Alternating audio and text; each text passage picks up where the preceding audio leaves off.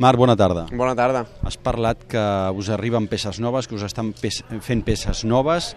Estan pensades perquè la teva moto corri més i acceleri més? Bueno, ja, ja Honda va, va treballant, no? I, i bueno, està treballant de moment amb la, eh, que és això, allà on, on estem treballant una, una mica més, amb el tema dels alerons, com vam provar a Qatar, uns, uns, uns diferents. Eh, eh, aquí potser en provem uns altres diferents, de, de moment els tenim, però a nivell de les altres, eh, de l'altre, pues, encara estan investigant i estan, estan treballant i, i bueno, a poc a poc eh, ells estan esforçant al màxim per eh, portar coses i, i, i bueno, eh, ojalà pues, eh, al futur futur pues, puguem reduir aquesta, aquesta distància no? que, que perdem accelerant. Hi ha una foto que s'ha difós d'un aleró de la Ducati tocant-te eh, la ronyonada per la dreta. Jo no sé si va ser conscient en aquell moment, si això fa mal, si no fa mal, si t'amoïna.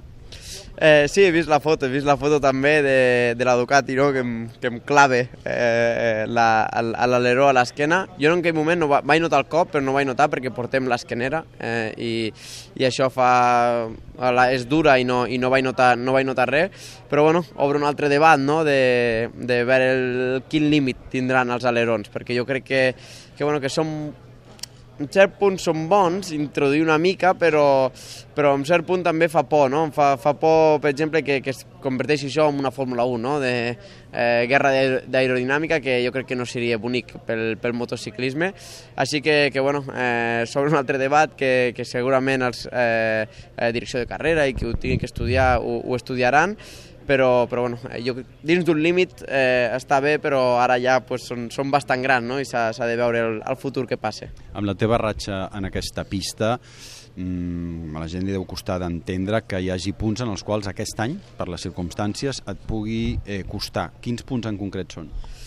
Bueno, eh, és una pista que sempre se m'ha donat bé, això no ho podem negar, i sempre he fet mm, molt bones curses, però aquest any perdem una mica més amb acceleració, no? i aquesta pista és una de les pistes que, que acceleració eh, afecta molt. No? Eh, fa dos anys, per exemple, l'acceleració era el nostre punt fort, era on, on trèiem més distància i ara és al revés, no? ara és on, on perdem més. Així que, que per això veurem com va donar el cap de, el cap de setmana.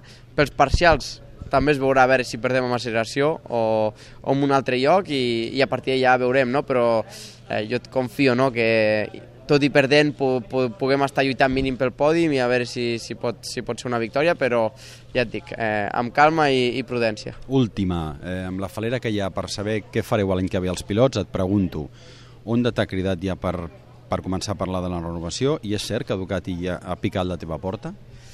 Sí, és, és, és cert no? que, que els equips s'interessen, és, és cert lo, lo, lo de Ducati, però ta, també és cert de que el que he dit sempre, no? la, la meva prioritat és, és Honda, és qui em va, la, qui em va donar la possibilitat d'entrar d'entrar al Mundial i, i serà qui tindrà la, la, primera, la primera opció no? I, i la, la primera paraula, perquè al final eh, eh, el meu cor pues, eh, sempre va lligat no? a qui, a qui m'ha donat la primera oportunitat.